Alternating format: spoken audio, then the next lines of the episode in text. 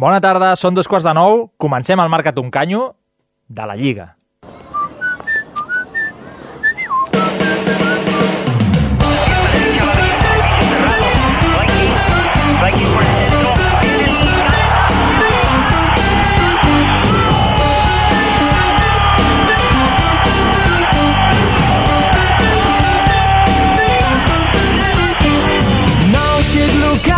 A Cultura FM, marca't un canyo.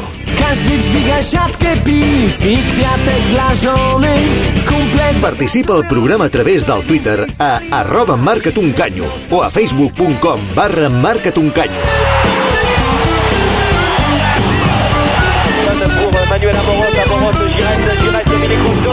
Benvinguts un dilluns més a la Casa del Futbol de Cultura FM, dia en què celebrarem la 24a Lliga de la història del Barça. Un dilluns festiu a Catalunya que ens deixa la ressaca de la rua dels Blaugrana pels carrers de Barcelona i nosaltres també volem posar-hi la nostàlgia, el somriure, l'anàlisi i la valoració. Atents, perquè avui farem un extens repàs sonor als millors moments de la temporada a la història de la Lliga del Barça.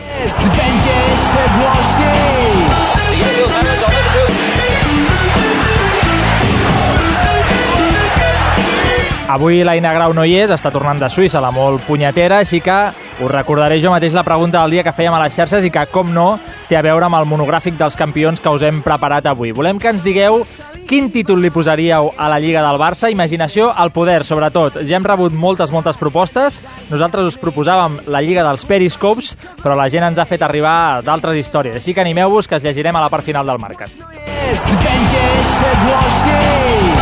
jest, I si la borratxera de títols ens deixa temps, també farem prèvia de la Copa del Rei i ho tancarem tot plegat amb un nou episodi dels estadis del futbol del Joan Santaló. Avui, amb un estadi que és pur surrealisme arquitectònic. Veure per creure. Szaliki dwa, flagę przyniósł Krzysiek Sam petardy zrobił Stach, Edek zaś zagrychę Już A la redacció i a la producció, la Ina Grau, l'Oriol Cortés i la Paula Carreras i els botons el David Gutiérrez Guti. I amb tot presentat, arrenquem.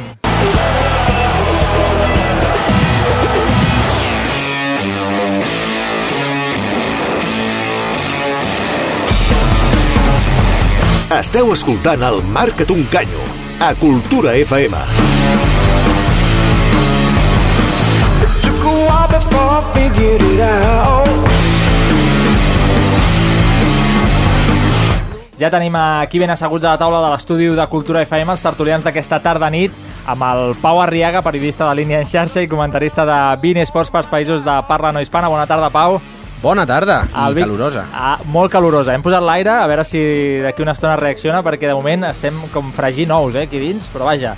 El Víctor Rodrigo, a la meva esquerra, periodista i redactor d'NBA Destiny i membre del programa de Ràdio La Terrassa de Ràdio Vic. Bona tarda, Víctor. Molt bona tarda. I just davant meu, enfront, veient-lo així, en línia recta, el Marcos Castro, redactor del portal babel.com i de martiperarnau.com. Bona tarda, Marcos. Bona tarda. Amb tots tres farem el viatge per la temporada del Futbol Club Barcelona en aquesta lliga. Reviurem els inicis, els ensurs, les grans nits, els problemes a Madrid, els rècords d'imbatibilitat, les males ratxes i molt, molt més. Si no us ho voleu perdre, atents a l'altaveu durant la propera hora i quart. La tertúlia del Marca't un canyo.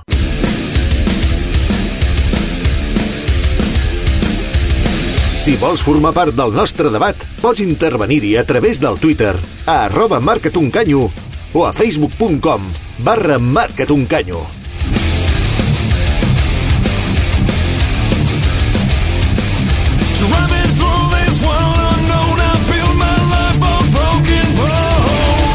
I ara que passen tot just 5 minuts de dos quarts de 9 de la nit, us explico. Avui hem preparat un programa especial, especial Campions, amb un resum sonor dividit en quatre parts que anirem desgranant per recordar una temporada de campions amb la 24a Lliga del Barça. I tot plegat començava així un 23 d'agost.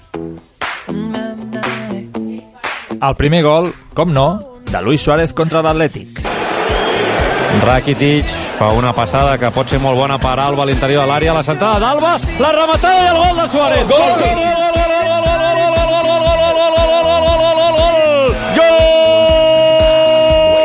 Gol importantíssim de Luisito, Luisito, Luisito Suárez! Gol importantíssim del davanter uruguaià, de la fe que no desapareix mai, i va, i va, i torna a anar, lluita, lluita i torna a lluitar i acaba de marcar un gol molt, molt, molt, molt valuós pel Barça. Gol del Barça, gol de Suárez, Atlètic Club 0, Barça 1.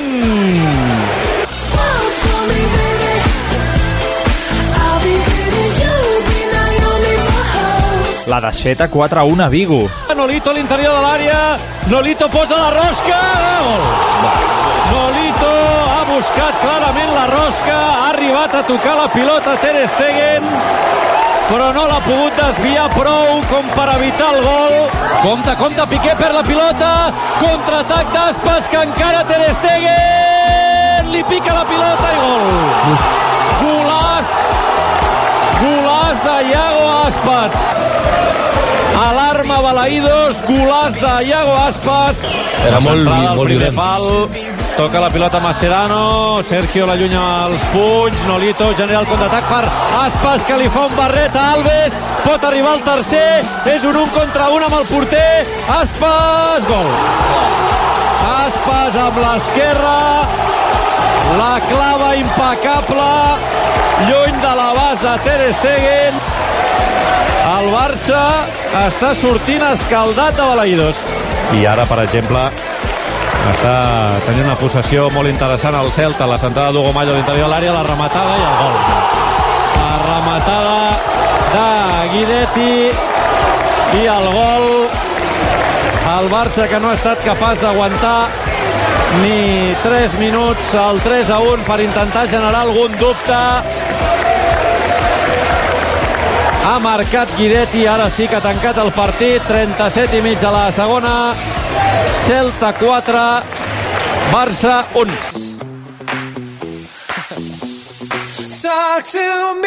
La lesió de Messi. La passada de Bartra per Messi és boníssima, el control orientat de Messi, entre l'àrea petita Messi, el rebuig del porter, treu la pilota, Castellano compta que ha pres mal el eh, futbolista del Barça, compta, s'ha fet mal Leo Messi. Sí, ha quedat estès pràcticament a la línia de gol.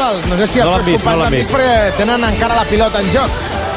No la- no l'han vist, Ara però- Suárez i, i Neymar aixequen la mà perquè prestin atenció a Leo Messi, que continua, com dèiem, estès pràcticament al damunt de la línia de gol. A la Genoll de les Palmes. Neymar i Suárez s'erigeixen com a líders. Y el Barcelona que sale a la contra. Luis Suárez busca a Neymar. Es buena para el brasileño. ¡Madre mía! ¡Qué golazo!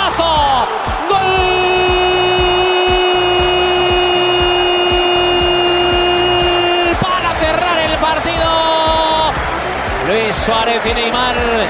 Ellos se lo fabrican, ellos piensan y revolucionan los partidos ante la ausencia de el mejor jugador del mundo. Ahora fue Luis Suárez el que le dio la asistencia. Neymar controló, hizo un brillante sombrero y de primeras, como caía la pelota, definió ante Areola para sentenciar el partido.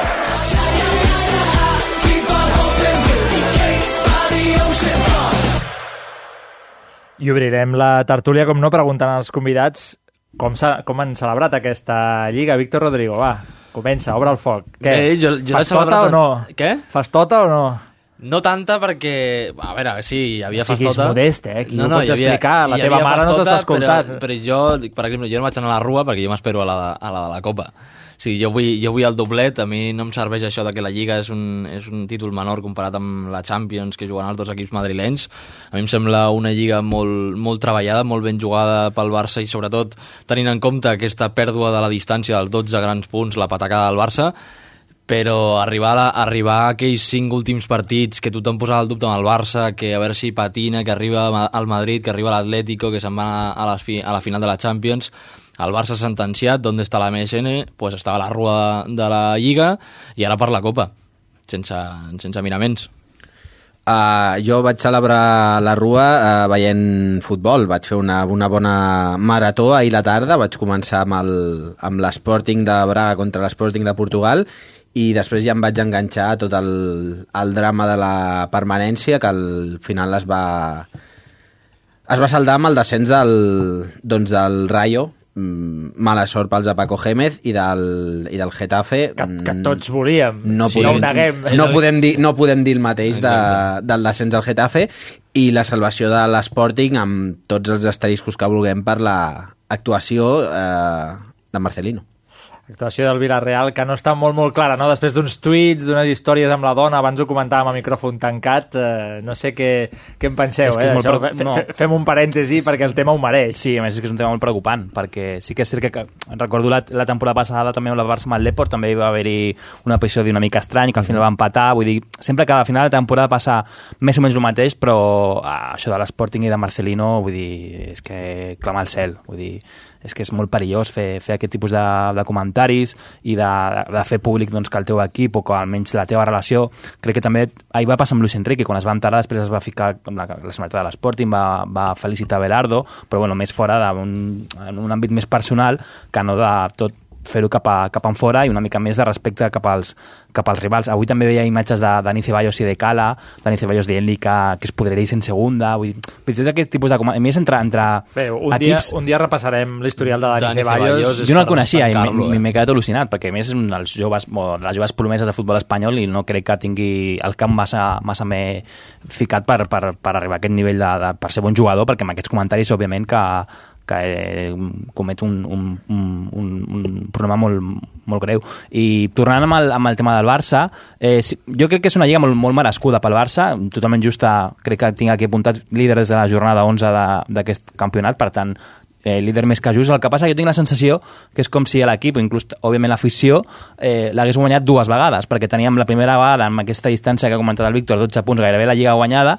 i el fet, jo crec, bàsic de perdre davant el Real Madrid al Camp Nou, que jo crec va coincidir amb aquesta etapa tan dolenta de l'equip durant els últims mesos, doncs que òbviament l'equip doncs, ha tornat a aixecar-se, l'aspecte mental eh, bueno, jo crec que ha sigut clau eh, poder aguantar aquest bon nivell, no de joc, però sí de resultats del Real Madrid, perquè també hem de, hem de dir que, que aquest tram final del Real Madrid a la Lliga ha sigut espectacular. Vull dir, ha sumat totes les victòries. Jo, de moment, Zidane, jo en, no sé què pensareu eh, vosaltres, però jo en el tema esportiu no veig cap tipus de novetat de com jugava el Madrid amb Rafa Benítez. Sí que, bueno, sé que eh, José o l'altre noia Lucas sí que ha tingut més protagonisme, però jo crec que el Madrid amb la plantilla, el vestidor que té, doncs òbviament li va millor a entrenadors d'aquest tipus de Zidane, Ancelotti, Del Bosque, vull dir, entrenadors que no, que no maneguin massa, que no, que no facin massa soroll i estan allà al final de la Champions. Zidane està fent el que li agradaria haver fet a Benítez. Està jugant amb Casemiro i ningú li discuteix. Mm. Benítez jo crec que va morir Uh, segurament la, la seva, el seu certificat de defunció és el, és el 04, se- m'estic avançant a, No, no. a una altra de les peces, però uh, jo crec que és quan ja definitivament a Benítez se'l se pentinen, tot i que acabi caient al final el dia 4 de gener si, si la memòria no, no em falla. Uh, jo crec que és el, és el 04 la seva, la seva sentència. I després, tornant al, al tema Sporting, a mi mm, les declaracions de, de Marcelino prepartit em semblen eh, comprensibles.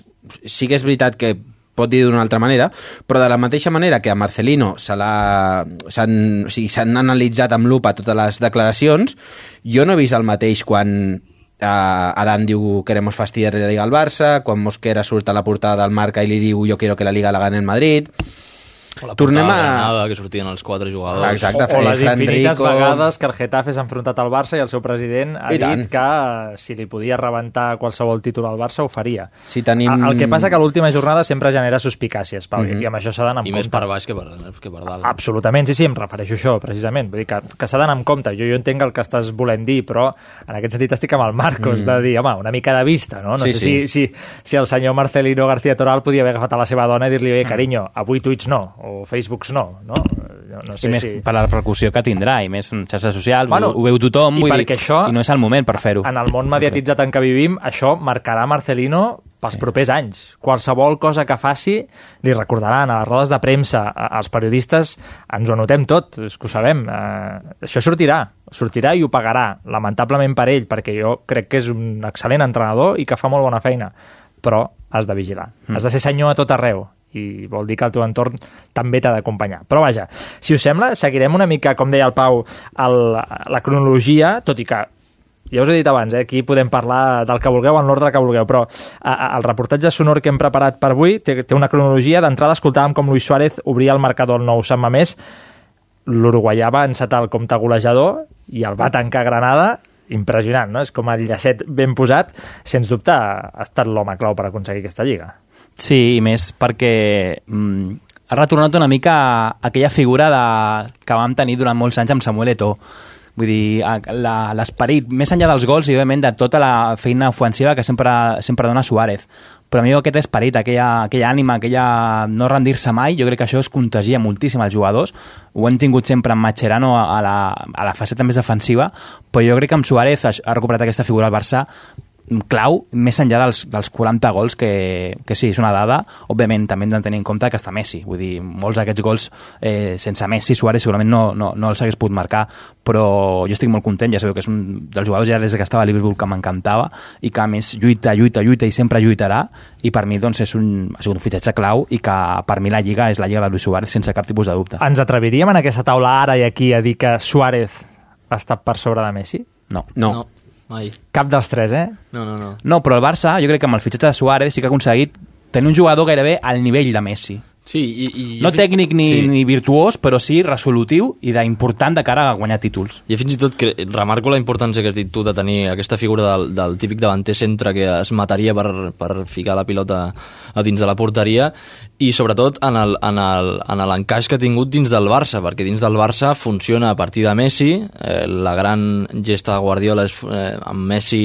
de fals nou, quan trenca amb el 2 a 6 i tota aquella tongada de títols i de victòries del Barça que arrasa per tota Europa i per tot el món, i és incorporar a, a un tio que no havia funcionat, com per exemple podia haver sigut Zlatan Ibrahimovic, que no va funcionar absolutament per res amb, amb Messi, va haver de sortir escaldat, i un tio com Suárez, que es congenia molt bé amb Neymar i Messi, a mi em sembla, a mi em sembla mm, una, una gesta brutal per al Barça i, per, i espero que duri molts anys. I a més, parlant ara de Suárez, eh, fa re, una, un parell de setmanes vam parlar amb, amb Gerard Romero, que ara està al, a la cadena SER, i ell és amic de, de, de Suárez des de que estava a l'Ajax, llavors ell ja li havia preguntat quan estava jugant al futbol holandès si algun dia li, li agradés jugar al Barça. I òbviament ja ell, quan li van preguntar ja fa d'això moltes temporades, li, li, li va contestar al Gerard, li va dir, bueno, és que està Messi. Vull dir, amb això va, va ser la seva resposta, com dient, és, és impossible que jo vagi al Barça perquè està jugant Messi.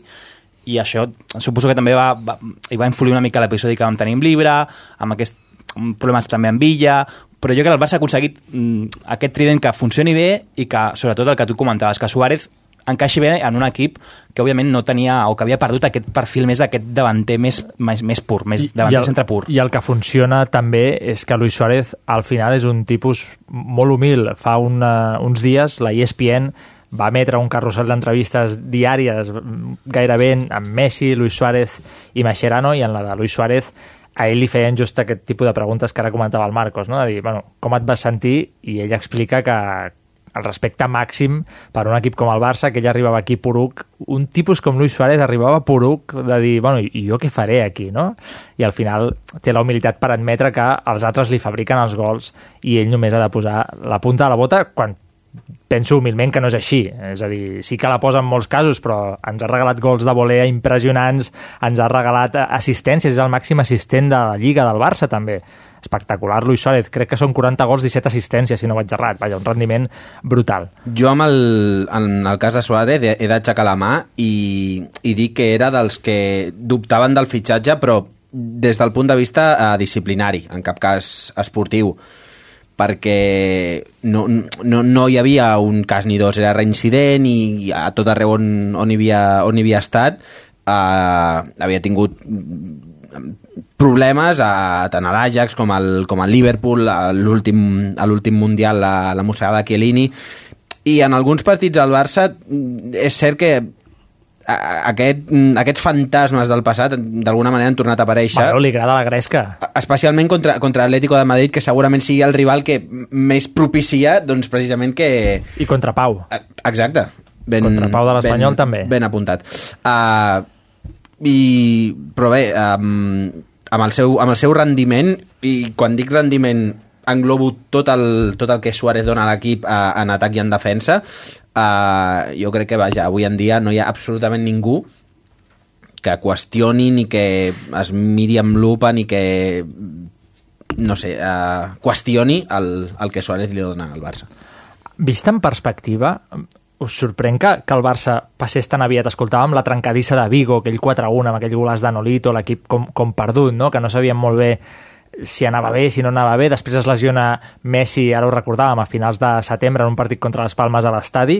Eh, i, i, i, i tinguem la sensació que aquesta lliga igualment havia de ser blaugrana. No va passar tot allò i, i encara et quedava la sensació de dir no, no, això serà blaugrana. I va arribar el gener i vam dir no, no, això serà blaugrana. No? És, com, és com que la temporada ha estat una mica de muntanya russa. Si més no, el primer, diguem, la primera part sonora de la història que hem fet avui eh, té un parell de capítols molt negres i tot i així, a data d'avui estem dient que el Barça és campió i que podia haver estat fa cinc jornades si no fa el RUC. I veníem de la... Supercopa.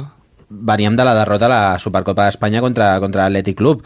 Um, per això, quan has posat el, el, gol de, el gol de Suárez a Sant Mamés a la primera jornada de Lliga, té, té una importància especial perquè feies, no sé si 10 dies com a molt, que el Barça havia visitat Sant Mamés i, i havia sortit escaldat. O sigui, el Barça es van dur 4 gols i vaja, els més agoreros doncs ja estaven un altre cop amb la bandereta del final de ciclo i aquestes coses que quan ja empates un partit i perds un altre ja doncs sembla que tot s'hagi de no sé, ja calem, calem i foc um, no sé, el, el Barça va saber sobreviure molt bé a, a aquest mes i escaig que va estar sense Messi des de que es lesiona contra les Palmes fins a que reapareix precisament el, el 0-4 a, la, a la segona part.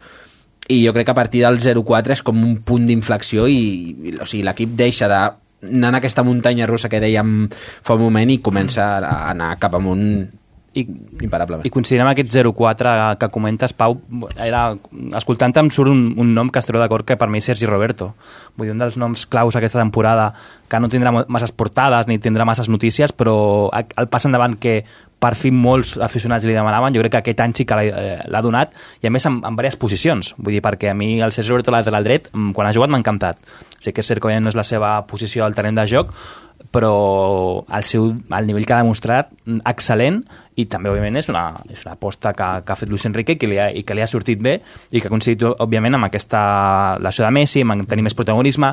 Llàstima tampoc que durant aquests mesos, que ara comentem, tampoc estigués Rafinha, que per mi era un dels jugadors clau també aquesta temporada per donar un altre pas endavant i crear una mica més de competència en certes posicions, perquè clar, no hem d'oblidar que fitxes dos tios que fins al mes de gener d'aquest any no podien jugar. Vull dir, era... I, i, i les crítiques que els dos, o més, en aquest cas, eh, Arda Turan, ha rebut perquè gairebé ha jugat 4 o 5 mesos amb l'equip. Jo fins i tot, eh, eh, parlant, quan has parlat abans, Pau, d'aquesta muntanya russa de, del Barça, jo crec que una part important és la ressaca o regust de la temporada passada, que venim de, de guanyar el triplet absolutament gràcies a aquest, a aquest trident a la MSN i el rendiment brutal que porten, i jo crec que Suárez l'arrossega i té, evidentment, moltíssimes ganes de seguir demostrant que ell és el davanter del Barça. Es lesiona Messi i jo crec que la sorpresa no era tant Suárez, perquè sabíem que Suárez és aquest jugador que, com deies tu, mossega, hi ha vegades que es passa de mossegada, però que té aquesta constància, encara que no li entrin, estarà 25 vegades barallant-se per marcar, és la sorpresa de Neymar, i jo crec que el rendiment de Neymar ajuda que el Barça es recondueixi fins que torni a arribar, a arribar Messi. Però jo fins i tot, abans has dit, eh, Marcos, que feia un pas endavant eh, Sergi Roberto, jo també vull fer una mica de... Clar, no, no entrar tant en la, en la festa i això, sinó que també s'ha de plantejar de cara a l'any que ve, o almenys a la, a la Copa del Rei, que al centre del camp, per exemple, n'hi ha molts jugadors que donen un pas enrere o almenys estan com molt estàtics i molt... I molt... Quins? Jo, per exemple, a mi Sergi, Busque... Ai, Sergi Busquets eh, aquest any m'ha semblat a un nivell... Potser perquè estàvem acostumats a un nivell altíssim d'ell, jo crec que Busquets eh, jo crec que no, no està donat... perfectament bé i al centre del però camp... físicament, eh, perquè jo sí, crec que tampoc li han donat vull dir, quantes vegades ha jugat Mascherano a mig sí, centre o un altre jugador dic, o, jo, o Sergio Berto, jo parlo del centre del camp el fet de que com has comentat tu Rafinha o Arda Turan no ha pogut jugar fins a mitja mm. temporada que al centre del camp i fins i tot si arrossegues cap enrere a la defensa eh, no, no hem tingut aquest ventall de jugadors que poder fer una rotació i de poder donar descans i arribar a aquest final de temporada sense que ens estigués ofegant un Busquets o un Rakitic que estaves més pendent de que el canviessin exactament al minut 64 o al 65 perquè no. aquell tio no podia jugar més. Jo crec que també és, és, és un fet a destacar i evidentment arrossega moltíssim la MSN però també és destacable això. En tot cas però aquí vull fer un apunt que, que el Víctor m'acaba de posar en safata perquè és un dels errors que comet també la parròquia Belograna Arda en cap cas és migcampista. No, no, no, no, ni de perfil Busquets, ni de perfil Rakitic, ni de perfil Iniesta. Van fitxar un mitja punta i no tenim posició per ell. Ho dic perquè no. aquesta temporada també serà la del tracte injust cap a Arda. Si sí, m'ho deixeu dir però bueno, és que l'Atlètic de Madrid tampoc jugava com... a- Bueno, jugava en una línia de 4 per Estem banda, però no, el el Barça mai juga amb quatre migcampistes. Però les capacitats físiques i tècniques d'Arda no són per cobrir cap de les tres posicions. Com a molt la d'Iniesta si, si m'apureu molt. Però, però si m'apureu molt. també podem replantejar-nos el per què es fitxa Arda i no es fitxa un centrecampista, també. No, però jo, Enrique. jo crec que també Luis és molt Enrique, injust. Luis Enrique té la resposta. I tant. Vull dir, perquè és aposta, jo crec que va ser aposta seva. Claríssima, Sí, més. claríssim. I la millor ho veurem la temporada vinent, eh? no ho sé. Una, un apunt al que deia el Víctor, eh, el, el fet de no tenir un, un recanvi per Busquets, eh, jo crec que Luis Enrique volia que Gumbau fos aquest recanvi, però mm, opinió personal, Gumbau no té nivell per jugar al primer equip i que en canvi. I menys, un altre menys per cop, substituir Busquets. opinió personal, qui sí que el té és Sergi Samper i Luis Enrique no ha confiat en ell. És un problema. I està mm, jugant contra l'Olot i, contra Badalona. el, i contra el Badalona i contra, amb tots els respectes per l'Olot i pel Badalona. Però és un jugador que ja hauria d'estar eh, tenint minuts amb el primer equip i demostrar, perquè clar, també, també et queda el dubte, o sigui, Samper promet molt però com no l'has vist um, per exemple, el que hem vist aquest any a Sergi Roberto doncs és, un, és, un, és un malo per oir Igual que amb Sergio Roberto o Marc Bartra, que jo sempre he defensat que, que són jugadors de primer equip però no se'ls dona una constància, una confiança sí, però, com per, però amb una com per diferència. jugar. Marc Bartra, Sergi i Roberto ja estan al primer equip, s'entrenen cada dia amb Sí. ells, estan en un nivell d'equip, eh, diguem, elevat. El B ha passat una temporada que també entenc que Luis Enrique, ell ho va dir, de fet, a principi de temporada li van preguntar i va dir el que entreni bé, el que faci bona temporada al B pujarà. A quants n'ha pujat? Contem-los. Mm. La temporada del B ha estat entre lamentable Gumbau, i dolenta. càmera, alguns entrenaments... Però molt de tant en tant. No, no, molt de tant en tant. Per tant, entenc que Samper no s'hagi guanyat, entenc no per qualitat, sinó perquè el conjunt de l'equip a Luis Enrique eh, suposo que no li ha remogut res com per Mm. fer-los com per fer-los pujar. Farem l'última pregunta abans de passar a la segona part del resum sonor de la Lliga, que vull enfocar sobre, sobre Neymar. No? Al final escoltàvem en aquest primer bloc com Ney i Suárez es van posar l'equip a l'esquena, sobretot el brasiler, quan Messi no hi era, no? quan el millor del món va faltar l'equip, i de cara al curs vinent espereu que el relleu Neymar-Messi, ja sé que òbviament no espero que el desbanqui, però aquest relleu que mica en mica s'havia d'anar fent quan es va fitxar Neymar es noti encara un punt més?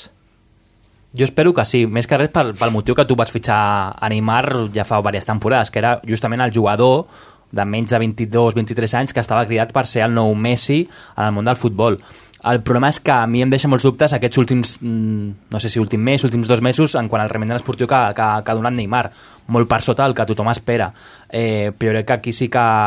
Inclús mm, jo m'atreviria que moltes vegades quan juga Neymar a una posició centrada, ara sí que tenim molt, molt clar, no? que juga Messi per la dreta, Suárez al, al davant, però jo en un futur veig eh, s'ha de centrar la posició de Neymar. Jo crec que quan juga ell com a fals nou o amb, amb molt més de camp per córrer, no tan escurat a la banda esquerra, sí que l'equip ho nota i ell eh, té una llibertat perquè moltes vegades passa en Brasil. Tu veus jugar Neymar a Brasil i dius, hòstia, aquest tio l'han canviat. No perquè no jugui mm, inclús millor que el que fa el Barça, però sí que és molt més resolutiu que, que quan juga aquí. A mi les etiquetes de nou Messi o nou Eto'o, no sé, no, no m'aca- no, no m'acaben d'agradar.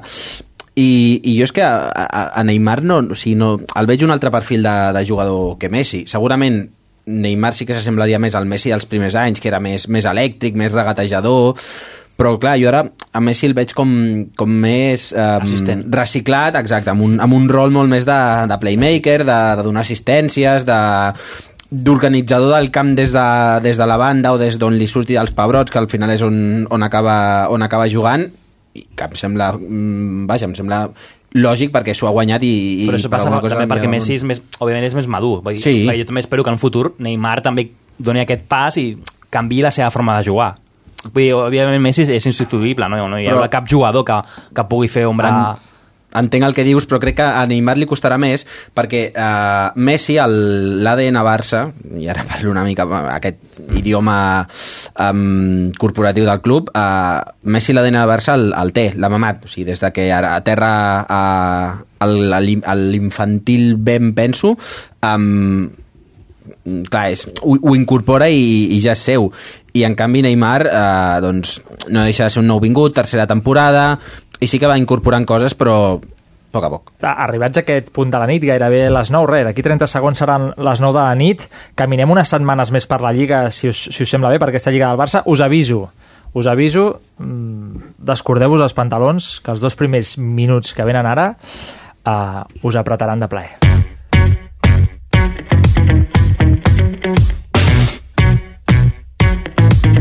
El 0 a 4 al Bernabéu. Sergi Roberto amb Piqué, encara a la dreta del cercle central. Aguanta la pilota al central, fa una passada per Sergi Roberto i aquest amb Alves, i Alves amb Piqué, i Piqué amb Sergi Roberto, Sergi Roberto amb Piqué. Piqué amb uh, Busquets, Busquets centra línia, Sergi Roberto, bona jugada, Sergi Roberto, la frontal, la dona perfecta per Luis Suárez, el xut, gol! Gol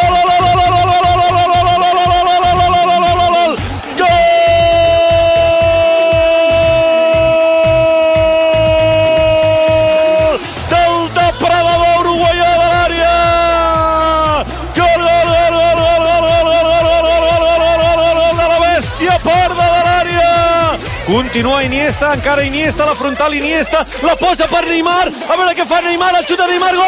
Gol!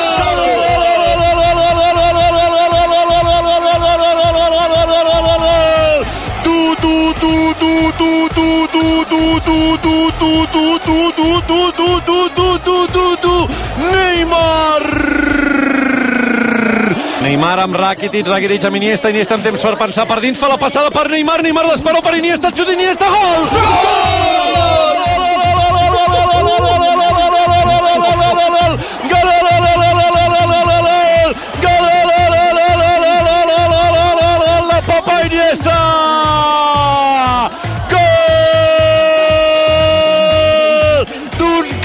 descomunal! Futbolista que està fent una exhibició al Bernabéu! Si algú pot eh, tenir algun però, és que el resultat és curt. Imagineu-vos quina situació tan meravellosa. No, us prometo que, que sembla que s'estigui entrenant. I som al Bernabéu, eh? Bé, Messi per Alba, Alba amb Luis Suárez. Ara sí que l'has de fer, eh? Ara sí que l'has de fer. Pica la pilota, gol! Gol! Gol!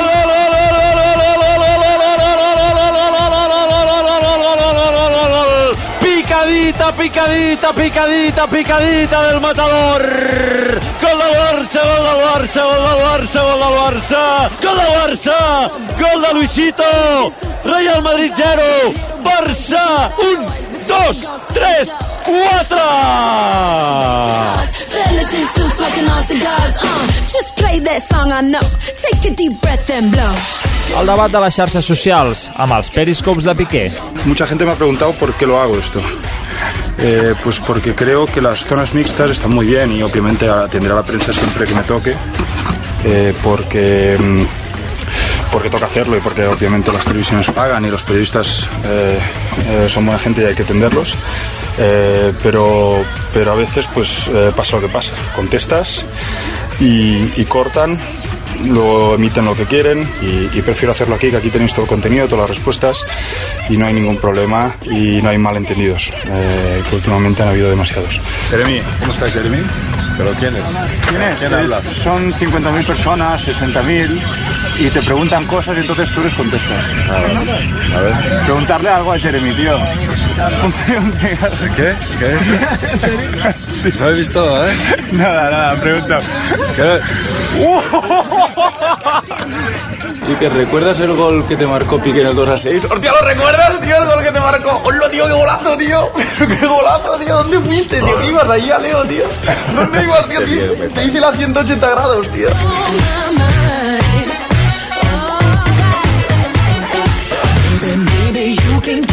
La destitució de Benítez i l'arribada de Zidane. Hoy hemos tomado una difícil decisión, especialmente para mí, como es resolver el contrato de Rafa Benítez como entrenador del primer equipo. Quiero dejar claro que estamos ante un gran profesional y ante una magnífica persona. Quiero anunciarles también que la Junta Directiva del Real Madrid ha decidido nombrar como nuevo entrenador del primer equipo a Zinedine Zidane. Zinedine Zidane, este es tu estadio y este es tu club.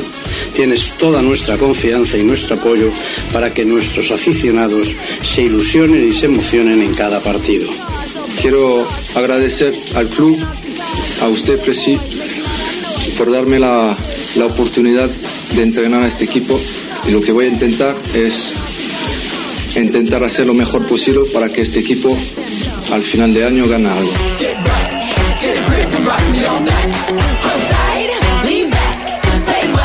39 partits imbatuts. Continua la ratxa de partits sense perdre, 39 partits invicta el Barça, cada cop més a prop de la Juve, ara mateix a 4 de, de la Juventus, que en va perdre 43. Per tant, aquesta és la bona, 39. Final a la ratxa de victòries consecutives en Lliga, que queda en 12. El Barça es planta a 4 del seu propi rècord absolut.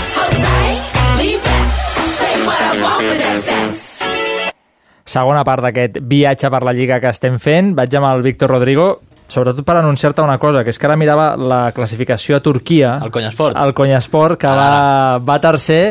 Vaja, ningú li prendrà aquesta tercera plaça, ja no opta a la segona, per tant anirà a la lligueta de l'Europa League, o sigui, no la lligueta, sinó la prèvia. Conyasport, No, el, no. el, el teniu allà situat. És- Dic perquè a casa teva, si no ho saben, que, No, no, és, que ho informis. Estan, estan informats. Perfecte, ah, tornem al que als temes seriosos als que, als que anàvem. El 0-4 del, del Bernabéu l'hem escoltat al principi d'aquesta peça, he vist cares d'il·lusió, cares d'alegria, Sí, allò m'està acordant recordant, els eh? pantalons encara. Estaves, estaves ben suelto, que diuen, eh? Uh, va ser el partit clau de la temporada? Jo crec que sí, els dos partits del Madrid, però sobretot aquest per, per el que estàvem analitzant abans de que el Barça semblava una mica una muntanyeta russa després de venir de la Supercopa, d'Espanya contra l'Atlètic, de la derrota contra, contra el Celta. Jo crec que aquesta bufetada del, del 0, con- del 0-4 al, al Bernabéu i a més jugant d'una forma brutal i apallissant aquest eh, Madrid de Benítez I sense Messi. i, sen, i això és el que anava a dir jo, i sense Messi jo crec que és, és, una, és una oxigenada cap, a, cap al Barça per demostrar-li que sense Messi es pot funcionar i sobretot tenint a, a Suárez i a, i a Neymar resolvent el partit i amb un Sergi Roberto, el que m'ha dit abans, jugant molt bé i a Iniesta posant aquella guindilla de guindilla, aquella guinda de, del pastís. No, no, els hi va picar, era guindilla claríssim, era guindilla. Jo però m'equivoco, però jo crec que en aquest cas sí que, sí que era guindilla. No, jo crec que els dos partits del Madrid són els claus de, del, del Barça, tant positivament com negativament de la Lliga, i aquesta, aquesta primera volta va ser positiva, però d'una eh, forma brutal. És que un no pot evitar pensar, si no hi hagués hagut el 0-4, clar, ara amb el temps és, és avantatgista, però potser no hauria estat tot igual. Potser haur- no hauria anat tan planer tot plegat. Home, és que jo crec que aquest 0, aquell 0-4 era com fer un símil amb la boxa, vull dir, va quedar noquejat el Real Madrid. Mm, I, òbviament, el que hem escoltat amb la, amb la destitució de, de Rafa Benítez i el, frac, i el seu fracàs, eh, un mes, a, a sumar la trajectòria de, de, de Florentino Pérez. Eh, I, òbviament, doncs, va ser un cop molt dur i, òbviament, un rival directe eh, pel resultat i també pel joc desplegat. Ara ja fa mesos, jo no, no tinc el partit tan present, però sí que eh, eh, ha un detall, vull dir, es guanya 0-4 sense Messi quan tu venies, que recordar també la temporada passada, que també de, de perdre el Bernabéu i de trencar aquell aquella, aquella opinió que teníem tothom, òbviament la gent més jove, que era com l'època de Guardiola, que tothom, cada partit que jugava al Bernabéu eh, guanyaves quan la història et diu que no, vull dir que, és, que era molt difícil sempre treure punts de, de la Bernabéu. I jo destacar també, òbviament, en aquell partidàs eh, més enllà dels davanters eh, em, em quedo amb, amb el gol d'Iniesta i amb, amb aquest Iniesta més d'un altre estil de joc. Vull dir, jo crec que no tornarà Iniesta, òbviament, ja per una qüestió d'edat, però ha tingut un nivell molt regular durant tota la temporada i també amb el, amb el Sergio Busquets, que òbviament també va ser, va ser clau en aquell partit. Eh, jo abans feia, feia memòria a casa de la, de la prèvia d'aquell partit i gairebé tot el, tots els cops que el Barça li ha pintat la cara al Madrid eh, la, la prèvia es caracteritzava per eh, un Madrid que muerde, un Madrid que le, le, le tiene la, la moral comida al Barça el Barça viene al Bernabéu a, al Matadero l'any del 2 a 6 l'any del... Bueno, i, i, aquesta, i, aquesta, i aquesta temporada i, i, i és això, o sigui, el, a la prèvia, doncs el, el Barça, un Barça sin Messi, que van a hacer, tal, mm, i després, doncs, eh, 0-4 i, i cap a casa i, i comença, doncs, aquesta... És com, és com la, la, la, la, la plataforma de, de, despegar, ara no em surt... De en- llançament. De llançament, gràcies, no em sortia en català.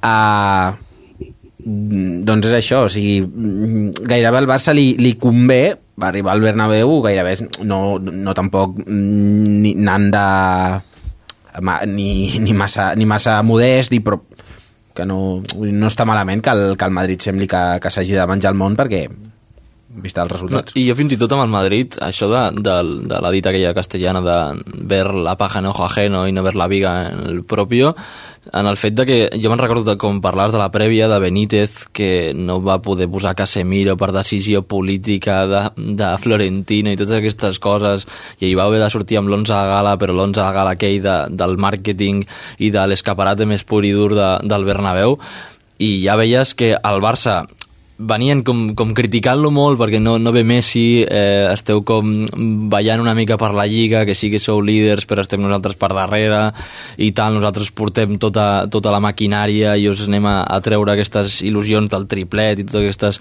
coses que veniu des de Barcelona i és més, el Barça jo crec que fins i tot arriba al Bernabéu quasi sense pressió perquè ells saben que eh, poden jugar amb Suárez i amb Neymar però s'havien de demostrar-se a si mateix que en un partit tan important sense Messi podia funcionar i Messi va sortir després de la segona part i tots ja pensàvem, encara els hi fotran set i aquest Madrid jo crec que fins i tot es va autodestruir mateix o sigui, amb el plantejament que, que és de Benítez que fins i tot va sortir sense ànima i ja, ja fer quatre indicacions Mm. i amb la, amb, la, amb la llibreteta al més pur estil Bengal quan no sortia de la banqueta i, i ja està, jo crec que és, és fins i tot el, el, les dos, les dos mm, part de la balança, el Barça puja de cop i el Madrid, o sigui, al terra i cap a, i cap a casa. No, no us queda la sensació que el barcelonisme, enteneu, eh, entre moltes cometes, però li ha d'agrair a Florentino que, que enterrarís tant la destitució de Benítez com, com perquè ens ha donat aire, diguem, en cert sentit, eh?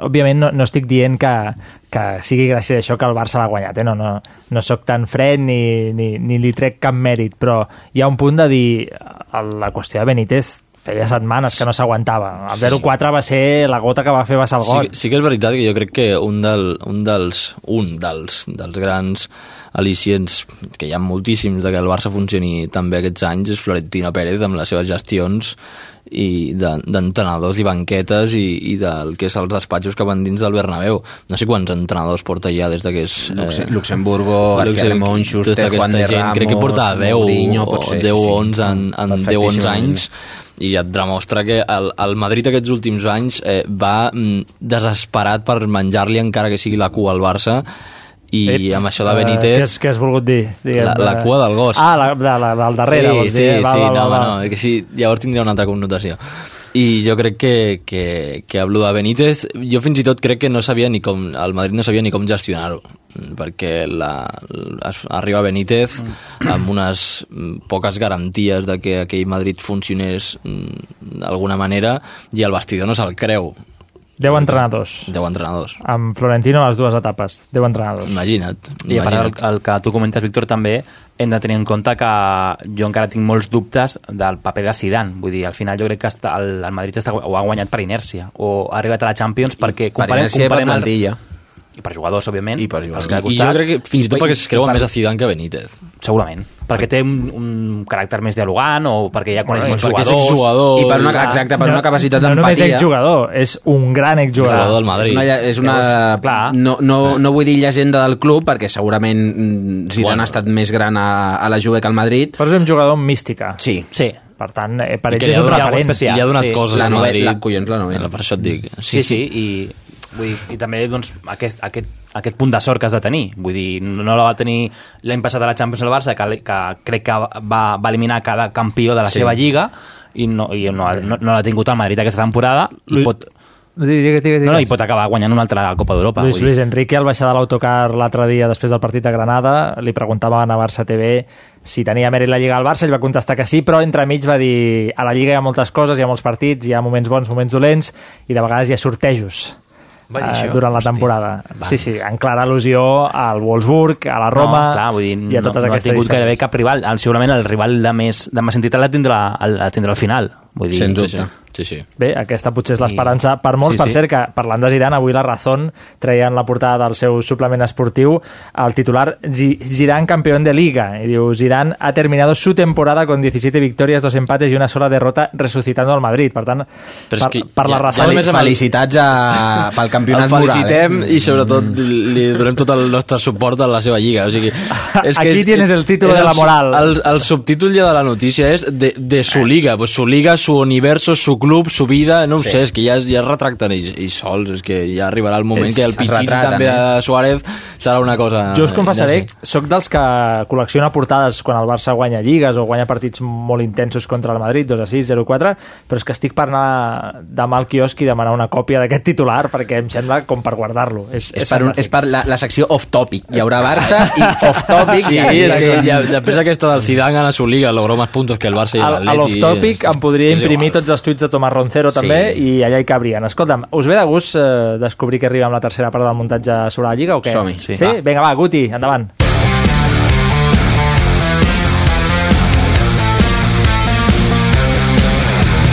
El penal de Cruyff i la posterior mort del mite. Messi fa el penal de Cruyff, gol! I hat-trick de Luisito! Gol, gol,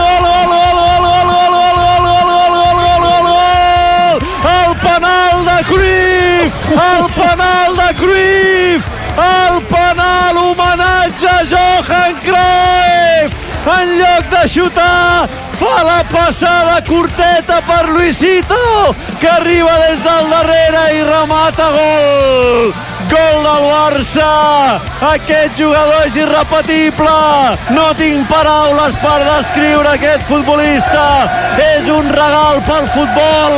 És un regal per l'esport. El barcelonisme rendeix el millor de tots els temps. Johan és la persona més influyente en el futbol europeu dels últims 40-50 No hay ningún personaje que haya dado tanto, tanto al fútbol como jugador y entrenador a la vez. He instaurado una forma de jugar en dos impresionantes clubes como el Ajax de Amsterdam y el Fútbol Club Barcelona. ¿Podemos entender que el Barcelona jugara como juega ahora sin Cruyff? Imposible. Johan cambió la mentalidad del, del Fútbol Club Barcelona. El Barcelona actual, que en los últimos 10, 15 años ha dominado Europa y ha dominado el mundo, no se podría entender sin su llegada. Otros entrenadores han ganado más que, que Johan como entrenador. Igual, por ejemplo, yo.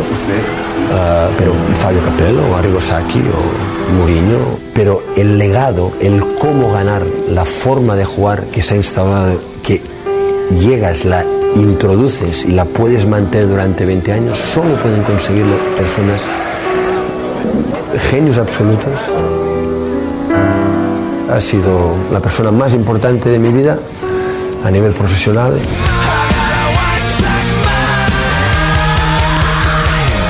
Del possible més 13 amb gol de Piqué, al més 7 amb derrota final al clàssic del Camp Nou. La sentada de Rakitic, Piqué!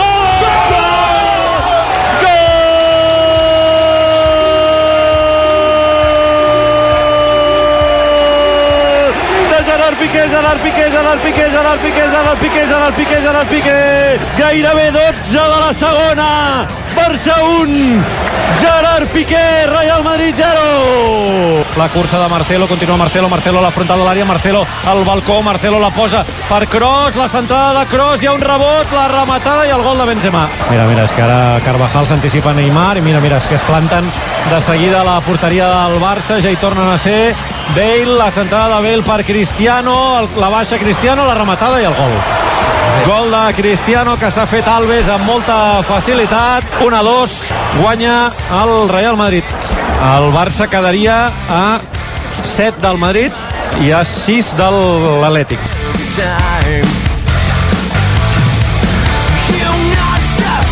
Pájara del Barça i els 12 punts d'avantatges es fumen. El Barcelona dio vida a sus rivales con este 1 a 0 que iba a llegar en este cabezazo de Oyarzábal, libre de marca, el centro es de Xavi Prieto, no llega Claudio Bravo. Victoria de la Real Sociedad, derrota del Fútbol Club Barcelona. Xiula el senyor Fernández Borbalán, Barça 1, València 2. El Barça no ha pogut sumar cap eh, punt i per tant ara mateix la situació és la següent. El Barça continua sent el líder de la Lliga Espanyola empatat a punts amb l'Atlètic de Madrid i té un punt més que el eh, Real eh, Madrid.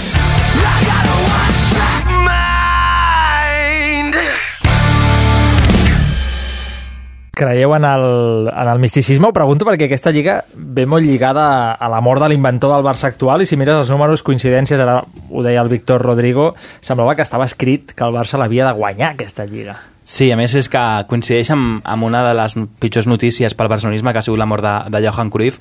I ara escoltàvem les paraules de Pep Guardiola que gairebé jo com molts blaugranes té, eh, tenen també, és que cada paraula, cada frase entén molt bé el que, com, com funciona el Barça i com, com és eh, aquest club, i és que i vaig donar una, una dada parlant això del, del Johan i d'aquesta època victoriosa del Barça, i és que abans de que rebés Johan, 10 lligues en 62 anys, vull dir, tota la història del Barça fins a, aquell, fins a aquella època, i després el Johan 14, també en aquell número, però és que 14 lligues en 25 anys. Vull dir, és que és espectacular com ha canviat el model de, de joc, de, de història, d'entendre de, el futbol aquest, aquest home i de com la resta d'entrenadors, perquè el legado ha continuat, que diríem. Vull dir, aquesta és la, la diferència fonamental entre el Real Madrid de Florentino, que ha fitxat un entrenador de cada, de cada casa i no té ni idea de com ha de jugar l'equip, i el Barça, a través d'aquesta joc de posició i de tota l'evolució tàctica que ha fet doncs, inclús Rijkaard, eh, òbviament després Guardiola, ara Luis Enrique, cada, cadascú amb la seva forma, doncs ha fet que, que aquest cicle no, no s'aturi.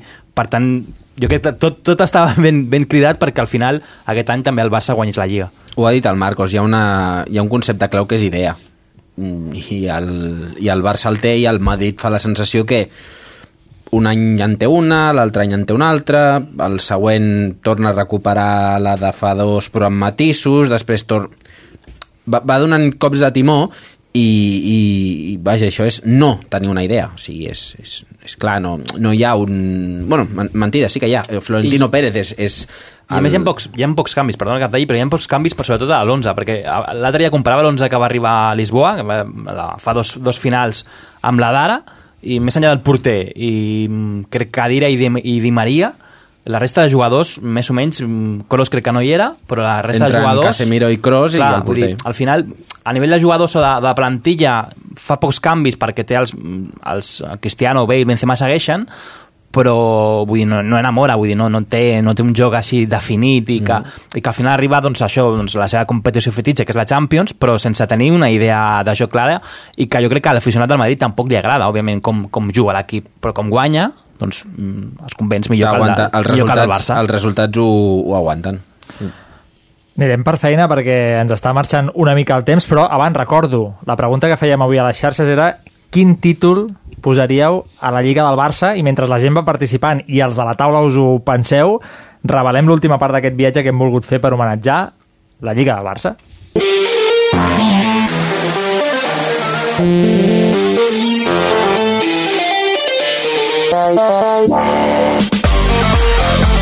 La recuperació. Quatre victòries seguides contra Depor, Sporting Betis i Espanyol. Acaba el partit. Suárez ha marcat el primer, el segon, el quart, el cinquè gols del Barça. Rakitic el tercer, Messi el sisè, Bartra el setè, Neymar el vuitè.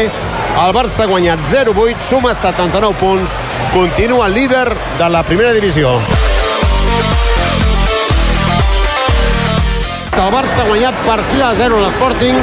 El Barça continua líder, tal com desitjàvem, amb 82 punts.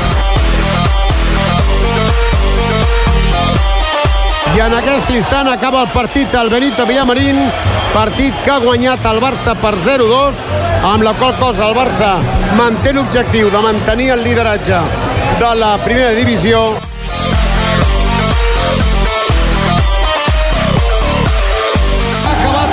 Partit el Madrid ha guanyat el Barça també. Això vol dir que l'última jornada de Lliga. El Barça està obligat a fer el mateix marcador que el Madrid a l'última jornada. El Barça està obligat a fer el mateix marcador que el Madrid a l'última jornada del campionat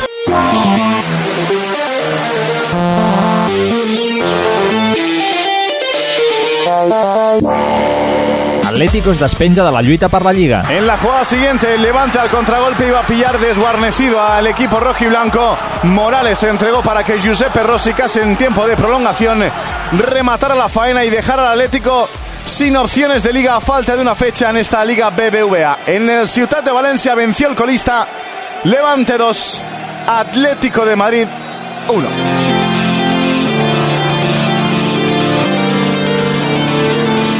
Luis Suárez, Pichichi amb 40 gols i el Barça, campió. Gol!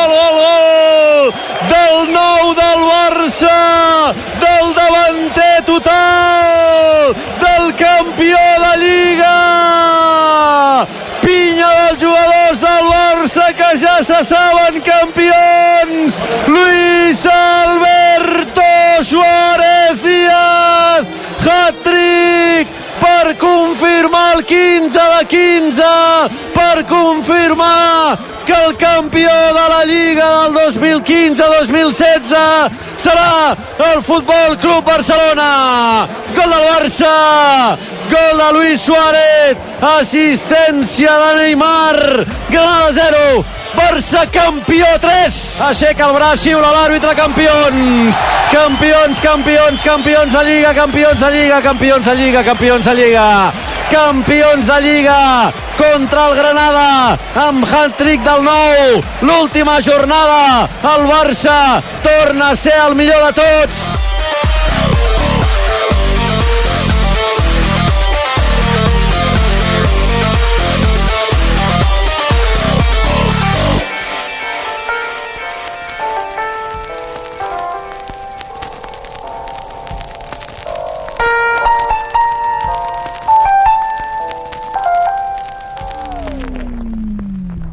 I he deixat l'última pregunta pel final, la mateixa que fèiem a les xarxes, per tancar aquesta celebració de Lliga al Mercat. Va, eh, Marcos, ho comences tu. Quin títol li posaries? Per mi la Lliga de Luis Suárez. La Lliga de Luis Suárez. Per mi sí. Pau, Víctor, qui vulgui. Jo, la, la lliga de d'on està la MSN. Perquè em va cremar molt aquella cançoneta dels Pebrots. Això et passa per mirar programes que no, no, això hauries. passa, això passa perquè m'arribin aquestes cançonetes dels Pebrots i perquè la MSN és la que guanya aquesta lliga i és la que demostra que el Barça és, és el millor equip d'Espanya. Pau? Per mi, eh, la Lliga del 14. Primer per recollint el, la dada que, m'ha- que ha donat abans el, el Marcos, eh, que és la, la número 14 en els darrers 25 anys, i en segon lloc per, pel Johan, perquè mm, crec que ha- d'alguna manera ha acompanyat l'equip des d'allà on sigui. No vull dir a dalt, ni a dalt, ni a baix, ni, ni als costats, des d'allà on sigui. M'agraden Molt molt les tres, eh, he de dir. In- Inclús la del Víctor, que s'ha com exaltat. Víctor, home, no, sí, hem guanyat una lliga. La meva, la meva era la, en plan, la, la, el nom una mica pollita, però... Per si arriba, del Pau, eh? per si arriba algú de Madrid, no? Si arriba. Si arriba, no? Si ja, arriba, ja ho farem, eh, ja ho farem arribar. Va, doncs eh, deixem aquesta part aquí. Aquests són els titulars que heu posat vosaltres. Després llegirem els que ens ha enviat la gent per Twitter, que són bastant interessants. Deixem aquest especial aquí, com deia, i fem alguns apunts breus sobre la final de Copa. Va, que en tenim ganes. El futbol no s'atura, al Marca't un canyo. Cada dilluns a Cultura FM.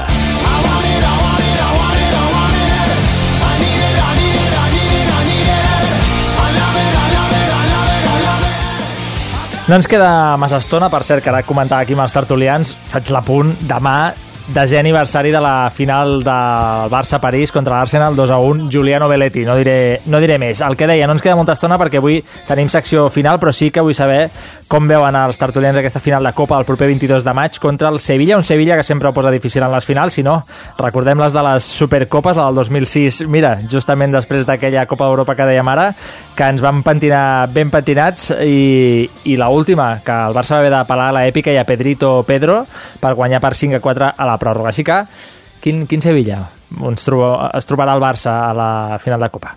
Bueno, jo crec que més que al Sevilla que ens trobem, jo espero que el Barça l'acompanyi aquest, aquesta eufòria d'acabar la Lliga, de guanyar-la i d'aquests últims cinc partits i jo confio molt que espero que no es trobi molts problemes, no en el fet de que el Sevilla eh, vagi bé o malament, sinó perquè el Barça ja, ja ha retrobat aquesta confiança i aquesta mentalitat que dèiem que havia perdut en les últimes jornades amb la debacle dels 12 punts i jo crec que la guanyarà. La guanyarà per, per, per si mateix, per tancar la temporada i, i perquè s'ho mereixen. Clar, a més, el Sevilla, perdó, eh, ara us deixo seguir, però el Sevilla vindrà de jugar a la final de l'Europa League quatre dies abans. Suposo que això és un factor. És el que comentat. No, no, i a més és que és- és- s'ha de comentar, perquè vull dir, el desgast Exacte. físic que tindrà l'equip segurament serà brutal. Té problemes amb, crec, amb diversos lesionats. Liverpool és un tros d'equip que també, coneixent el club, doncs estarà en màxima intensitat i pocs dies per recuperar-se d'un Barça que té tota la setmana per preparar el partit. Igualment, a mi, el, jo del Sevilla no me'n refio eh, gens, ni del seu entrenador, jo crec que és molt bon entrenador, eh, allà estan els seus resultats amb, amb aquesta a l'Europa League i a altres competicions, i, però bueno, és, coincideixo amb el, amb el Víctor, eh? vull dir, el Barça arriba bé, un Suárez que, vull dir, no sé si porta 14 gols, em sembla una salvajada en els últims 4 o 5 partits, vull dir, està totalment enratxat i jo crec que l'equip, doncs, si, si funciona bé i dona aquest últim pas, tot i que físicament, òbviament, hi ha jugadors que, que encara no, no estan bé del tot, però home, és una final, jo crec que el, que el Barça doncs, és favorit per guanyar-la. I perquè ha tingut una, una setmana des de que l'àrbitre xiula al fi, Hernández Hernández xiula al final a, a Los Cármenes, esquives a tota la mitja ciutat de Granada que va, que va saltar la gespa, te'n vas a casa, rua diumenge, però avui ja, doncs, aquesta sensació de, hòstia, hem guanyat, però diumenge hi ha, hi ha un altre partit, i en canvi el Sevilla eh, sí que és veritat que l'última jornada ja no, no, no tenia res a fer però no és el mateix eh, encara dues, setmana, dues finals en una setmana que encara, que encara una, o sigui, el Barça pot preparar el partit bé mm, d'alguna manera fins i tot esperar a dimecres a veure amb què juga el Sevilla perquè no crec que, la, que de l'alineació de la final de l'Europa League a l'alineació de la final de Copa varin gaire els noms i a mi em sembla que el Barça guanyarà per dos motius. Un, que és millor que el Sevilla, i dos, que el Sevilla arribarà a la final de Copa molt més cansat que el Barça. Sí, home, el Liverpool, el que deia el Marcos, un, un equip de Klopp eh, és exigent físicament sempre, per tant aquí hi haurà, hi haurà tema i veurem com arriba el Sevilla. En tot cas, la última, el doblet el veieu factible? Sí, sí. i tant, sí. Jo sí. Claríssim, eh? I, Sí, sí. i si els blancs guanyen a Milà, pesa més el doblet? És que m'és Sé que igual. m'arrisco, eh? Perquè queden dos minuts per acabar la tertúlia i és una pregunta interessant. A tu t'és igual, Víctor? O sigui, pesa, evidentment que pesa, perquè és una Champions que guanya el Madrid, però és que jo prefereixo pensar abans en el Barça i després en el Real Sí. Madrid que en una altra cosa. I a més el Barça s'ha fet gran per no, jo crec, després de l'època de Guardiola, per no comparar-se sempre amb el Real Madrid. Per tant, jo crec que el El Barça... Madrid es compara més al guanyar la Correcte. Champions aquesta Per amb el Barça. Però, això, però això és el, el que Barça- passarà, en sou conscients. Sí, sí, sí, Els però- inputs que arribaran però un rere l'altre. és notable, jo, és- sí, per aquí, tot no, l'altre. No han guanyat la Lliga i la Com que no portada han guanyat era... la Lliga? No, eh, correcte, la portada era que la Liga de Zidane. Sí, com guanyin la Champions no, no sé què pot passar, o sigui... És, No, no, si no guanyan la Champions, Zidane ha ganado su Champions Exacte. porque ha ganado Champions. más Te regalo- partidos te en regalo las tu Champions eliminatorias que. Cholos. Clar, l'exercici seria saber si al mateix dia si guanyés el Madrid i l'Atlético queda, òbviament, subcampió, la portada frontal serà el Madrid campió de la Champions i la, i la interior serà el Xolo ha ganado su Champions. I tant, no? I per al ser revés justos, també. Per ser justos hauria de ser també, així. i al revés també. No, al revés no ho dubto perquè ja ho han fet amb Zidane. Però si fos així, home, coherència, no? Coherència periodística, Sí. un llibre Bueno, d'estil. Molta, molta. Bueno, No? No, no ho veieu, no sé eh? si, Sent la no sé raó- si a l'Àsia i al Marc que tenen molt les banderes No. no. i blanques. Bueno, em referia a la raó, però també em serveixen aquests La raó exemples. era encara pitjor, o sigui, no sí, ho sé. vale, així, us veig animats amb el Ah, sí, doblet, no. co- cosa que m'agrada. Aquesta, no. aquesta és l'actitud per encarar el partides de, de diumenge. Espero que el pugueu veure en un lloc que sigui maco, que us donin bé de sopar A veure. i que sigui a l'aire lliure i amb bona beguda. Va, deixem el debat del mercat aquí perquè avui toca segona entrega dels estadis del futbol del Joan Santaló.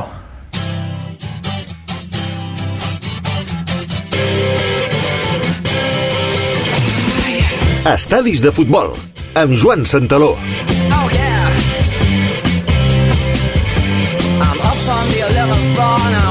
I a aquesta hora de la nit, o del vespre, depèn de com ho vulgueu mirar, ja tenim el Joan Santaló una vegada més aquí per explicar-nos noves aventures arquitectòniques amb els seus estadis de futbol. Joan Santaló, bona tarda. Com esteu? Hòstia, Molt bé. ref refresca avui, eh?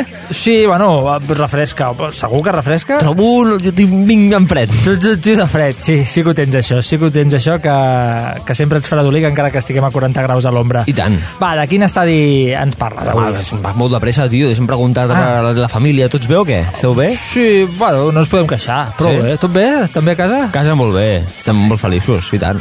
Això és boníssim. Eh, per parlar d'estadis, el millor és estar bé a Millor, casa. bueno, com, primer una miqueta de... Hòstia, com està tu rotllo, T'ag- no? T'agrada aquesta història d'hablar por hablar, eh? Clar, no m'agrada. tenim whisky aquí al Market, que és aquest Pues és- tema de... No? És una llàstima Rato- perquè en fred. Ratones colorados. Però bueno, Tampoc tenim els risites, eh, em tens a mi. Però vaja, Com vulguis, comencem la secció. Vinga, va, que et despisto. Perfecte. Avui ens anem a llocs molt remots, eh? Va, avui ens anem a llocs eh, d'aquests que dius, eh, en vas a parlar d'un estadi que és una cosa magnífica de veritat, eh? un autèntic despropòsit que fa venir calfreds i tot, ja ho veureu. Vaja, m'ho estàs pintant increïblement bé. Sí, sí, sí, no avancem aconteixements per això i anem a parts. Eh, ens situem a Mafeking, a Sud-àfrica, població coneguda pel setge de Mafeking, eh? a la guerra dels Boer, que no té res a veure amb el Ronald i en Frank de Boer, són Aquests uns altres Boers. no hi eren. eh? No, amb lo macos que eren. Per, per cert, què se n'ha fet de Ronald de Boer? Perquè Frank entrena Frank i tal. entrena, però Ronald, Ronald- què? Bueno, era el lleig dels dos, la això ho tinc clar. Però és, jo crec que és el, el, el lleig, però el llest, eh? De dir, jo aquí no foto un palo a l'aigua i a vivir. I faig el faraó, diguem, Ah, l'egipci, Jo crec no? que sí, el tio està pagant-se la vidorra, eh? Podria ser, podria ser. Ho buscarem. Buscarem, vinga. Ho buscarem i ho tuitejarem. Vinga. Com deia, estem a Mafeking, una ciutat amb la, una història bastant rara. Per parlar de Mafeking hem de parlar de Mabazo, que és una ciutat que ens interessa, ja que parlarem del Mabazo Stadium, eh, que és el- l'estadi que avui anem a, anem a, anem a desglossar una mica. Mabazo Stadium, eh? Mabazo, que no eh? coneix, Raro, amb no dues M's... Ni la seva àvia. Ni sa mare ho coneix. No m'ho estic complicant força perquè parlo d'una ciutat, d'una altra tal, però tranquils que tot té explicació. tranquils. Com deia Mabazo, una ciutat de Sud-àfrica que durant l'apartheid, tot d'aquella època tan bonica, eh, era la capital de Bantustan, zona de Bofutatsuana. Vinga, aquí ja ens hem perdut bastant. Em jugo ara aquí 5 euros amb tu que no ets capaç de dir els quatre noms de ciutats i regions que acabes de pronunciar en el que va de secció Què? sense entrar en carta. I tant que sí, mira, parlem de Mabazo, que és una ciutat que va annexionar a Mafeking, a la, cap, eh, Mabazo era la capital de Bantustan, zona de Bofutatsuana. O sigui, jo, mira, el tema, el tema sud-africà no tinc cap mena de problema. Després te'ls dono. Ara, vinga. Eh, Bofutatsuana era un dels territoris semi-independents de Sud-àfrica que eh, servien com a reserva pels ciutadans africaners, és a dir, els blancs. Això ho explico una mica. Van fer com una de territoris, de dir, aquí només viuen africaners, només viuen blancs, i són com reserves de aquí los negros no entren.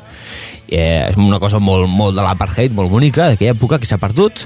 Eh, Per sort, per per tothom. sort, eh, per sort, perquè doni do, que cabrons. Eh, doncs una d'aquestes poblacions era Mbazo, ¿vale? Després de l'apartheid, a l'any 1944, que què passa amb això? Pues que Bofutatsuana va deixar d'existir i es va convertir en una província més de Sud-àfrica. La ciutat de Mabazo va annexionar a Mafeking, que era una ciutat que estava al costat, però va convertir en un barri de la propera ciutat de Mabazo, ¿vale? Però al final, a cap d'uns anys, van decidir canviar-li el nom a la ciutat i dir-li Mafeking en comptes de Mabazo, ¿vale? Cos- cosa que és una subnormalitat bastant grossa tot plegat, però bueno, això és una pena perquè Mabazo té un dels estadis més singulars del planeta i això li podia anar molt bé per atreure turistes o gent d'altra calanya, perquè no sé. Vinga, anem a l'estadi en si. El Mabazo Stadium, eh, que és el que d'avui en parlarem. Primera, té una capacitat per a 59.000 espectadors. Déu-n'hi-do. Ojo aquí, eh? Molta gent. A veure, canyo. Hi ha tanta gent a Mabazo? Importantíssima pregunta, t'has avançat. Quanta gent creus que viu a Mafeking? Que és un Mabazo, com li vulguis dir. Quanta creus que viu? Mm, Una xifra així a l'atzar. A l'atzar, eh? El primer que em vingui al cap. Uh, 32.000? Mm. Segons Wikipedia, que això no sé si és veritat o no... Ja hauríem d'anar a confirmar, també. Exacte. Hi viuen 15.000 habitants. Ja comencem amb les borrades pardes, eh? 15.000 i cabien, atenció, 59.000 persones a l'estadi de Mabazo. A l'estadi de Mabazo hi caben quatre vegades més la població real que té. Correcte, eh? On vas? Fantàstic. Aquí està, aquí està. Doncs mira, et diré que de tot plegat, que hi càpiguen 60.000 persones i la ciutat tampoc, tan sols en tingui 15.000, és el menor dels detalls d'aquest estadi, eh? O sigui, les borrades no van per aquí, van per altres llocs. Hosti, doncs... Sí, sí. vull, saber, vull saber què més té, això. Entrem en matèria, va. L'estadi es va construir el 1981 per una firma d'arquitectura soviètica. Parem un moment, aviam.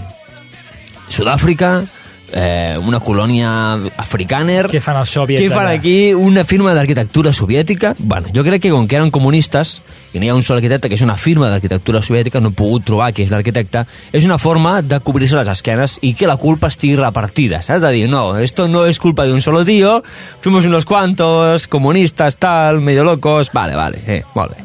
És cosa del régimen, Sí, eh? eh, es el frío que me tiene mal el cerebro, el vodka, tal. Molt bé.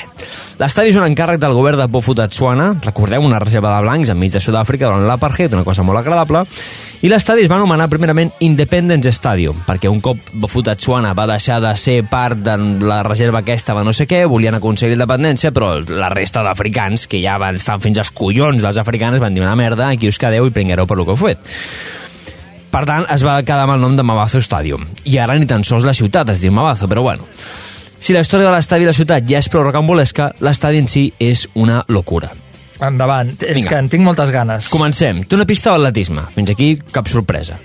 El camp de futbol, com tots els del món, és rectangular. Fins aquí anem bé, també.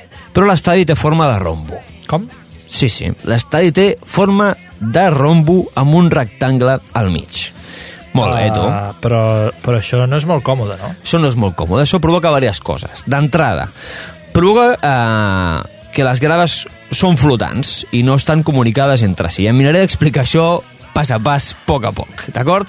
Primera, els laterals del camp, o sigui, les tribunes no presenten cap anomalia estructural significativa. Fins aquí normal. Les tribunes són normals, estan als costats, vale. Però clar, com que l'estructura és romboidal, doncs els gols no poden ser rectes, no poden ser quadrats, sinó que acaben en punta, com si fossin triangles. I a més, tenen una estructura de grades flotants a diferents nivells. Val, tinc una primera pregunta. Vinga, Potser la més absurda, però què paga l'aficionat que li toca estar a la punta del gol sud? És a dir, el que està més lluny de tots, perquè és un. No, no, no, el que està a la punta del gol sud ja ho veuràs que aquest encara. El que està a la punta del triangle aquest raro del gol sud, aquest encara. Ah. Vale, ja ho veuràs, ja. El que dèiem, primer tenim una grada al mateix nivell que els laterals, en forma del triangle, que mira cap al camp. Detall important, la grada mira cap al camp. Ok.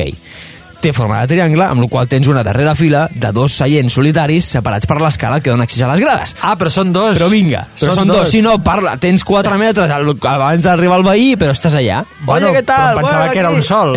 A l'acabar en punta- No, perquè l'escala ja està al mig. L'escala està al mig, llavors... Vale. Vinga. És el que té. Uh, això ho acceptarem tenint en compte que l'estadi va dissenyar una agència comunista per encàrrec d'uns africanes durant l'apartheid. Vull dir que hi ha algunes coses que han de ser rares. Ho passem. Però al costat d'aquest triangle s'eleven quatre rectangles, dos a cada banda del triangle. La tercera cara del triangle és la que mira al camp. Vale? Ja sé que això és ràdio i us ho he perdut, però bueno. No, no, no, no, és que ara mateix ho tuitegem, perquè és que si no la gent no ho imatges, entendrà. Sí. Aquests rectangles estan situats una mica més amunt que el triangle principal, mitjançant les columnes que venen de la part inferior de l'estadi. És a dir, hi ha el triangle i el costat. Els costabells dels triangles us podeu imaginar com dos petites grades més amunt per unes columnetes. És, vale? és com si haguessin posat tot de panells solars eh, entre, entre els triangles. Vindria a ser una cosa així rara. Llavors tot plegat fa com una mena com de B baixa, més o menys, així, molt raro.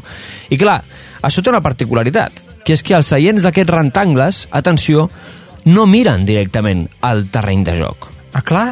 Ui, ara... Ojo, perquè aquí ens hem tornat absolutament majares, eh? O sigui, tu arribes al teu seient, que de ben segur t'ha costat la hòstia de trobar, perquè entre els triangles, les grades flotantes, sube escaleres, baja escaleres, tal, no sé què, arribes i un cop de ser, escolta, que no veig al camp, que m'he de girar, que m'he de seure... Que si mires recte veus a una altra Si persona. mira recte veus un tio que està veient el, el partit, tam, tampoc l'està veient, està veient cap a on. Exacte. Per tant, t'has de sobre sempre girat. Ole tu polla, tio! O sigui, és una cosa magnífica, magnífica. I clar, com que l'estructura romboidal engloba tot l'estadi, aquesta experiència de visió tridimensional estranya del camp eh, es repeteix al llarg dels dos gols, gol nord i gol sud, amb la paranoia de no vemos el campo directament. Que no sigui el futur, això, eh? No ho sé. Eh, podria ser que fossin uns Que avançats no, de solters. que no eh? S'estigui ser. jugant al Barça amb el nou estadi M'encanta. Oh, magnífic seria, Magnífic, eh? Magnífic. i, i, que, i que hagués de ser així, si us plau. Des d'aquí bé, fem una eh? crida a Niken Sekei, els arquitectes que faran el nou Camp Nou. Si us plau, si volen mirar aquests plànols... Ni Ken Siquei, ho dius en sèrio, Sí, sí, així? sí, sí, jo crec Molt que bé. han de mirar aquesta estructura, no sigui que ens estem perdent alguna cosa. En fi, jo he intentat mirar el millor que he pogut. Uh, mireu fotos, de veritat, perquè val la pena, és al·lucinant. Actualment, però, l'estadi ha caigut en desús, cosa que ningú podia preveure, la veritat, perquè és una cosa que està Home. tan ben dissenyada que és molt raro que passés. A veure, a veure, a veure, un moment. Eh, ningú, ningú mal dissenyat i caben quatre vegades més la població del lloc Bofa Macfeking aquest que m'has dit abans, que ja no sé ni pronunciar. Movazo, movazo. Això, Mabazo, doncs eh, això és que es veia venir. I clar, ara mateix es fa servir per esdeveniments culturals i visites d'estudiants d'arquitectura que volen anar uh, a flipar en colors. Però és l'exemple del que no han de fer. Del que no han de fer, efectivament. A mi la llàstima, el que em sap molt de greu, és que mm, el govern de Sud-àfrica no va tenir collons de fer-lo servir pel Mundial. És a dir, va, que jugui aquí Alemanya amb no sé qui, saps? Vull dir, que hi hagi un partit del Mundial i arribin allà els teutones i dic, hòstia, no, no veo el campo, tengo que girar per veure... Total, depèn de com, tampoc, tampoc perd res, eh? Si són aquells que, Tampoc mam, et perds que mamen eh? abans, Ja t'és tampoc ho igual. haguessin notat. Bueno, en fi, per acabar, que si esteu mai per Mafiken o per Mamazo, ja no sé ni, on, ni de què parlo, visiteu aquesta joia de l'arquitectura loca i ja que hi sou, doncs aneu a Pretoria o a Johannesburg, que tampoc està molt lluny, que sí que té alguna cosa més a veure, més enllà de quatre cases i un estadi per, per soviètics raros. Genial, Joan, eh, brutal aquest estadi de Mabazo, ara ho he dit Mabazo bé, Stadium, ara ho he dit bé, el Mabazo Stadium, increïble les bogeries que es poden fer en futbol. Moltes gràcies per ser-hi un dia A més. L'home que parla millor i més polite de tota aquesta ràdio, Joan Santaló. Apa.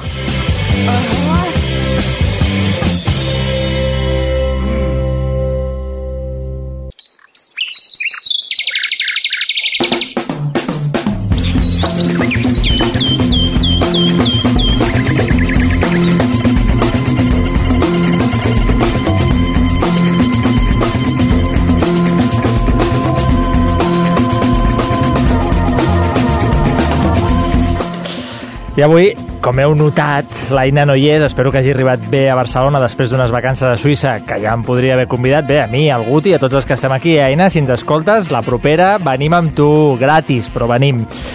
Això, el que deia, que no hi és, així que jo faig un Juan Palomo, que es diu vulgarment, i a la pregunta del dia, quin títol li posaries a la Lliga del Barça, avui hem tingut força respostes. Per exemple, la de l'Anna, que ens diu la Lliga de Zidane. Òbviament, també tenim el Jordi, que diu la Lliga de Douglas. Caram, eh, no sé com, com eh, catalogar-ho, això. Un altre, l'Andreu, ens diu la Lliga del multiusos Sergi Roberto o la Lliga de Me la repampinfla i me importa un bledo, en clara al·lusió a Luis Enrique. També tenim la Lliga de l'Abra Cadabra, de la Paula, la Lliga del 04 del Daniel Blanc, la Lliga del retorn del Tribunero, del Dan Kirchner, que algú li ha respost eh, los tribuneros no nos fuimos nunca. M'ha encantat la resposta. Tenim l'Arnau, que ens diu la Lliga dels 40 de Suárez, el año del Caimán, també diuen Purseguarden. Eh, qui més tenim? És que tenim moltes respostes. Eh? Diu la Lliga que s'ha guanyat dues vegades, aquestes de l'Oriol Cortés, el nostre company d'equip de redacció, i m'agrada força. I en Kevin ens diu la Lliga del Meneo al Mierdaveu. Crec que amb aquesta podem tancar la tertúlia. Gràcies a tots per participar una nit més i anem a tancar-ho això com, com es mereix.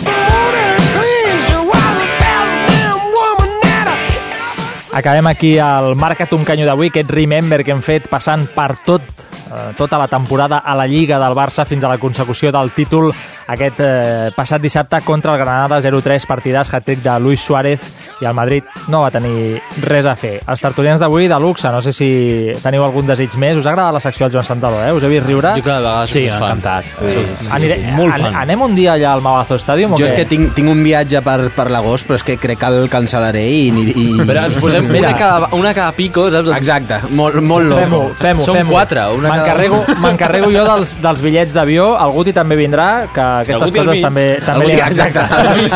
Camp. a controlar el so des del mig. Eh, escolteu, moltíssimes gràcies per, per avui. Vosaltres, Nosaltres tornem dilluns que ve amb el 28è programa de la temporada a dos quarts de nou del vespre, com deia, gràcies a l'equip de redacció, a l'Aina, allà on sigui, a l'Oriol Cortés, a la Paula Carreras i aquests tres tertulians, Víctor Rodrigo, Pau Arriaga i Marcos Castro. Tots tres es mereixen una lliga per ells sols, eh? una, una per cadascun, una Champions, una Copa, s'ho mereixen tot. I a casa, com sempre, que tingueu una bona setmana i que el futbol us acompanyi. me